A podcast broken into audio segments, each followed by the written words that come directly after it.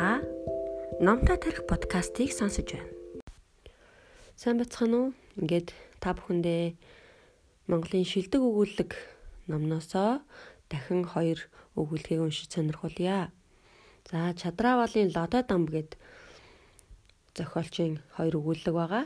За Чадраавалын Лодой дам маань 1917 онд Говьалтай аймгийн Төмөн сумын нутагт малчны гэр бүл төрсөн бага наснаасаа сургууль соёлын мөр хөгөөд 1954 онд Монгол Улсын их сургуулийг төгсөөд улмаар зөвлөлт холбоот улсад аспирантурт суралцсан урлаг судлалын ухааны дид эрдэмтний зэрэг хамгаалсан юм хүн юм байна.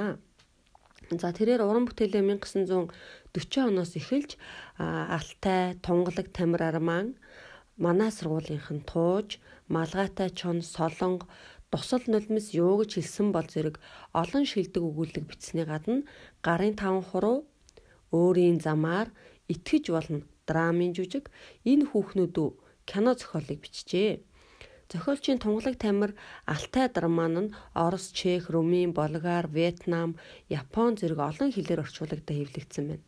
Чэл одоо дамд бүгд найрамдах Монгол ард улсын төрийн шагналыг хоёр удаа хүртсэн ийм зохиолч юм байна. За түүний грэслэл гээд өгүүлгийг хамтаа уншиж сонсъё. Өнгөрсөн зам би Архангай аймагт байдаг ав ахын даа амарч үлээ. Тэдний айлыг юндангийх гэдэг. Манай ахынхтаа нийлж нэгдлийн мянга шахам хонь хариулдаг байлаа. Юндангийх уул нь манай нутгийнх биш. Хожим намайг сургуулийн мөрхөөж гарснаас хойш цагаачлан ирсэн айл юм. Хүүхдүүд нь тус бүр айл болоод өөр нутагт байдаг ба их нь ханд гихч 80 гаруй настай эмгэн хамт амьдардаг байв. Ханд гой шиг өндөр настай эмгэд олон үхтэй ярианд дуртай байдаг.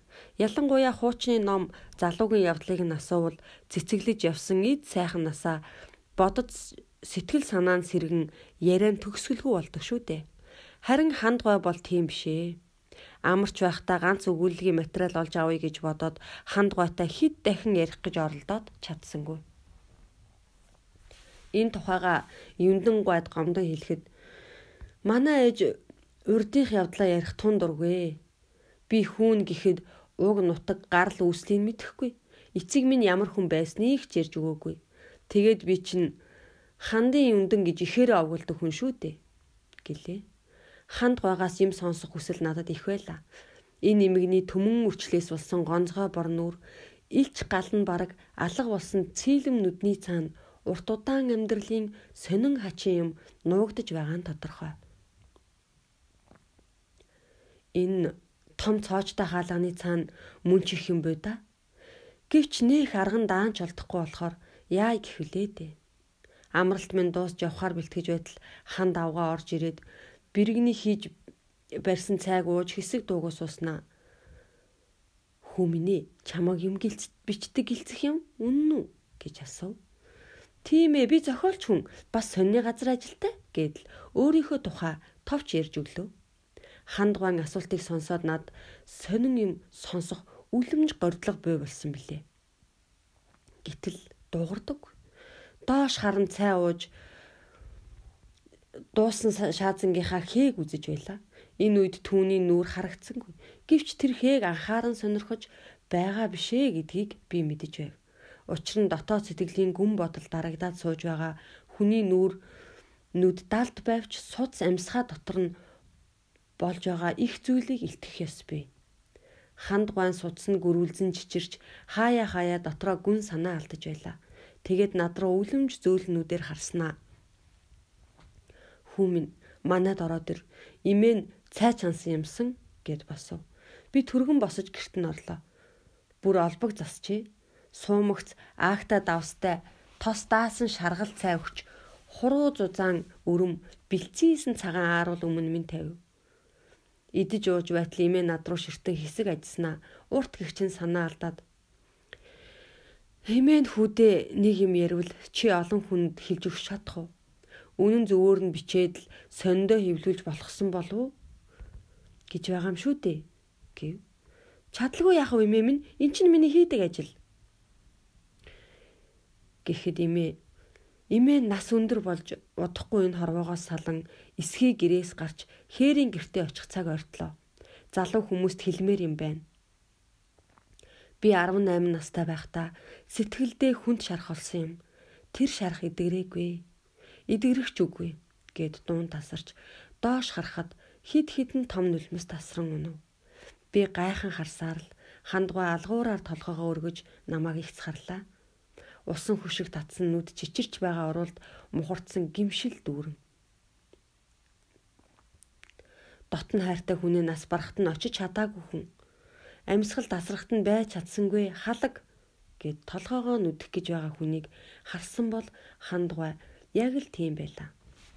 Хандгай гарынхаа араар нулимсаа арчиж сэтгэл нь шулуутсан бололтой займчин суудлаа заснаа. Зэвхий бөгөөд шийдэмгий дуугаар Би залуудаа нутаг хошуундаа гайхагдсан сайхан хүн байсан юмсан. Чи ч үнэмшихгүй байх та. Гэвч тийм л байсан.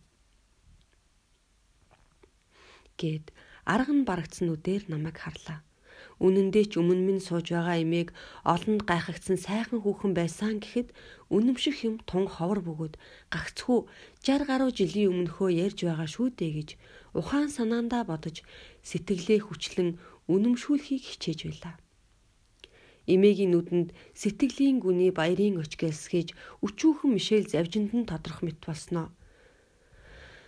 Манайх үргэлжил жамбал гэдэг айлтай хамт байдаг байлаа. Тэдний ганц хүү юндэн бол надаас 3 бах. Бид хоёр хар бага наснаасаа хамт тоглож өсөөд намайг 16 нас хүрэхэд юндэнгийн зан нэг л биш болоод хойров. Тэр яавал над сайн юм хийх хүсэлтэй. Миний юу л хэлнэ зөрдөггүй болов. Хүн өнгөрсөн юмыг эргцүүлэн бодоход тэр үед огт ажиглагдаагүй юм тодрон учир нь олдоогүй юмын учир олдог шүү дээ. Ялангуяа сэтгэлд гүн үлдсэн юмыг эргцүүлэн бодоход харамсах, баясах зүйл мөн ч их гардаг ажээ. Юндэнгийн зан мөн ч өөр болж үлээ. Юндэнгийн алхан бүр хөдлөх бүрээс над хязгааргүй сэтгэлтэй нэлэрхий байж л дээ заяагүй хүний хөлд нь юмбүү тавихад дээгүр нь сохор хүн болж нүдэ анаад гарсан гэдэг. Би юндэнгийн тэр сайхан сэтгэлийг олж харахгүй байлаа. Түүнийг багаасаа тоглож өссөн сайн нөхөр минь гэж ботхоос түүнд хайр сэтгэл надад байсангүй. Намайг хүсэж мөрөөдсөн ус ёстой л захаас аваад байдаг байв та гаднаас нь харвал юунданд гойд ч юмгүй. Ялангуяа олон хүний нүд булаасан залуугийн цагт бол шохоорхож хармаар юм түүнд байгаагүй. Жижигхэн биетэй, хонин бор нүдтэй гонцгой царайтай. Эцэг нь багд нь миний өөдөс гэж өхөөрд нь нэрлснээс аав ээж нь өөдөс гэж дуудана. Харин сүулдэ юндэн уцаарлаж байгаад болиулсан юм. Миний дэргэд өөдөс гэж хэлүүлэх тун дургүйсэн. Гэвч дотор нь нуу ёстой л хүн байсан юмсан. Хүний сайхан дотроо нууц байдаг болохоор олж харахад тун хэцүү. Амьдралын эгзэг таниагүй залуугийн цагт бол бүрч хэцүү. Хүүхэнтэй айлд хүн цугладаг, хүрдтэй айлд буян цуглардаг. Гэхдээ нутгийн харцуул манаа цугларна. Би тэдний дунд барьцгүй хөвнө. Тэдэнтэй цэц булаалдаж үг хаялцаж байхыг хараад юндэн бухимдаж ууртаа болдог байлаа. Гэвч би түүнд ногт юм бодохгүй. Харин инээд хүрдэг байсан. Гэт эмээгийн хоолой зангирахад дуун тасрав. Эмээ хэсэг дуугүй байснаа урт гихчин санаа алдаад толгоогоо хідэн удаа сэжилснэ. Нэг өдөр юндэн хамт хот арилгаж байгаад хоёулаа сууж хамт амьдрий. Ханд минь чамдаа би хязгааргүй дасчээ гэд пал хитэл шууд хилдэг байх шүү гэд имээ инээмсэглэх мэт болсноо.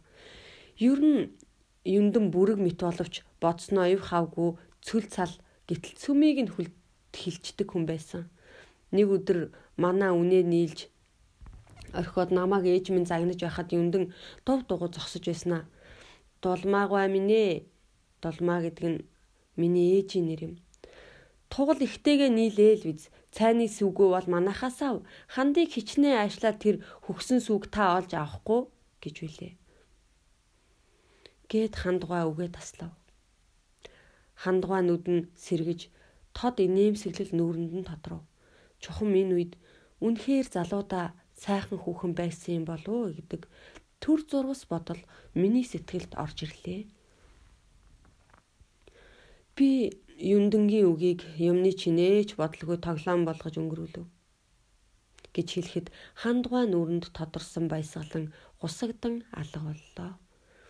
Нэгэн хэсэг чимээгүй болов. Би тэгээд гэж яриаг үргэлжлүүлэхийг хүсмээр байсан авч арай ингэ зогсчихгүй байгаа гэж гордоод тийсв. Үнэхээр хандгай бүдэг дуугаар Тэр үед би нутгийн гончиг гэдэг залуутай сэтгэлтэй болоод нууц уулздаг байсан. Намрын үд шимсэн хон хотолж байгаад юндэн урдхаа давтаж хэлэхэд нь би тэр яриаг займруулах гад чи ганцаараа 30 тэмээгээр хүрээж ин тээ чадах уу гэлээ. Тэгвэл чи баярлах уу гэж юмдаа асуув. Би эр чадaltaй ажилч хүнийг хараад хинч баярлан шүү дээ гэв.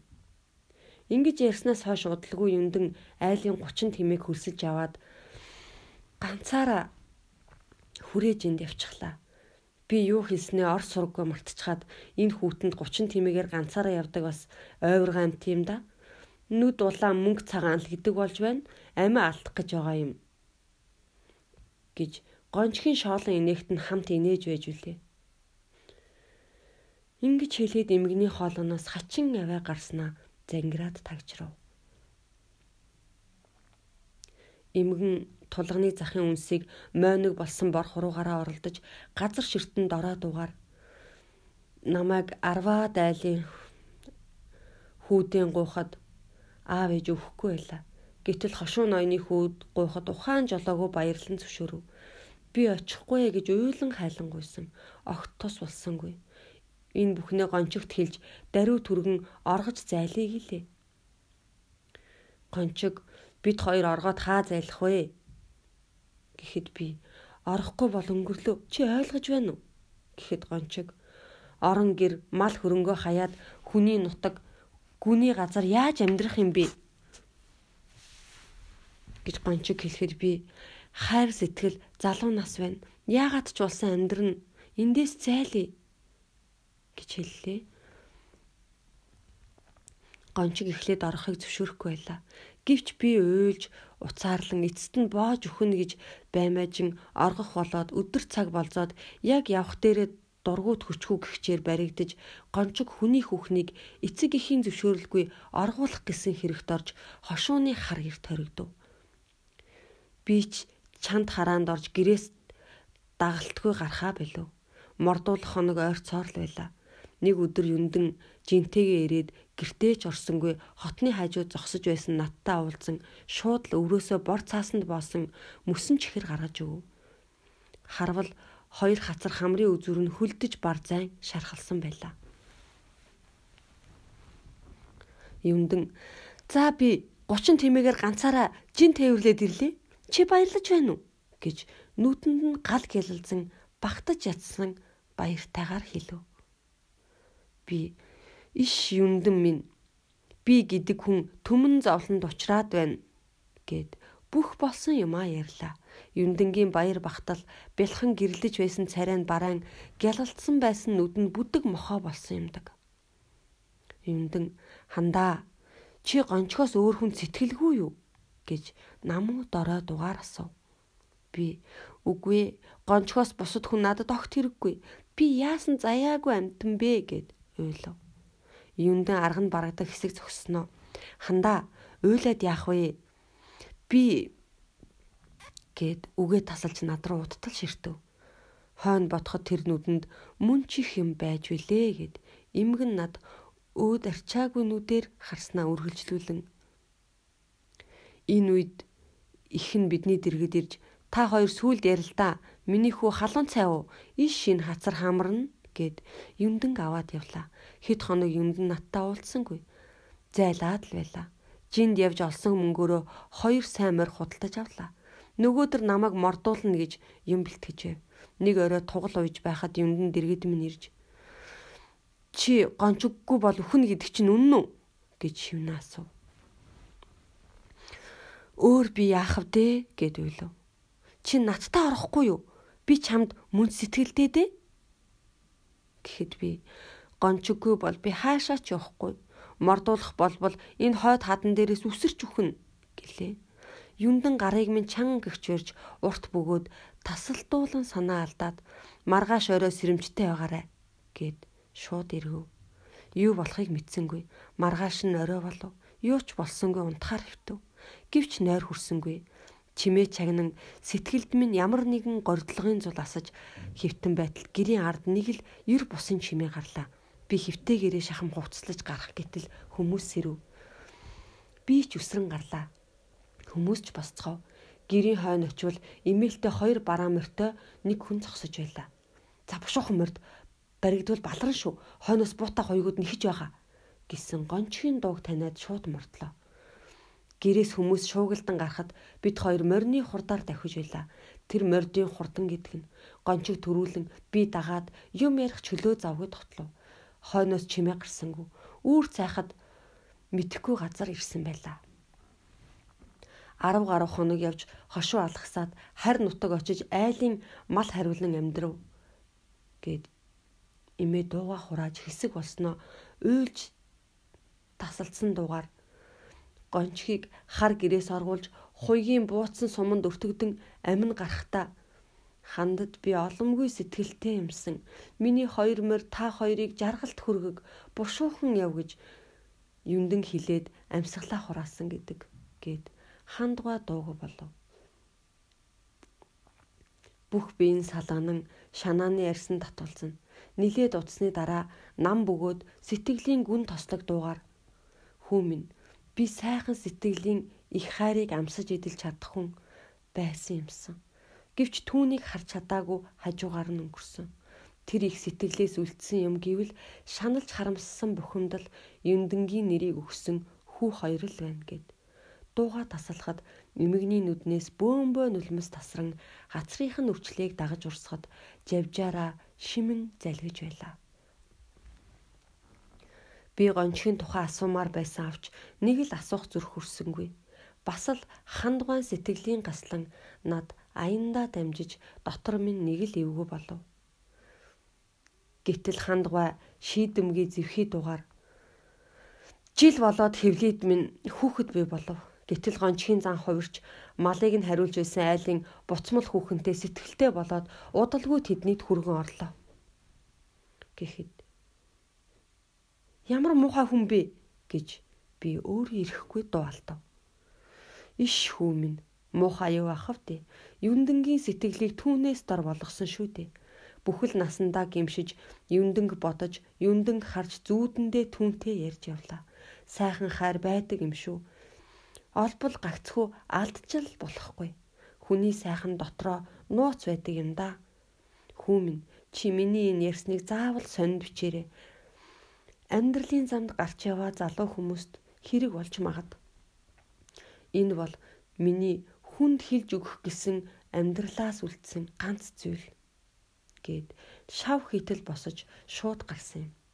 Тэр орой хандгаан би муудаж хүүн эмчид явж бид тэдний гэрт цугларав хандгаан царайнд хөнгөн мишэл тодроод үг хэлэх гэснээ хоёр дахин эвгүй зогсоод юндам минь гээд талигаач болсон билээ. Би хандгаан ярьсныг нэмээгүй, бас хасаагүй. Үнэхээр ч амьдралын замд гарч яваа залуу хүмүүст сайхан хайр байдаг юм шүү. Олбол алдаж болохгүй гэсэн хандгаан үг чухлаас чухал зүйл бизээ та номтой тарих подкастыг сонсож байна.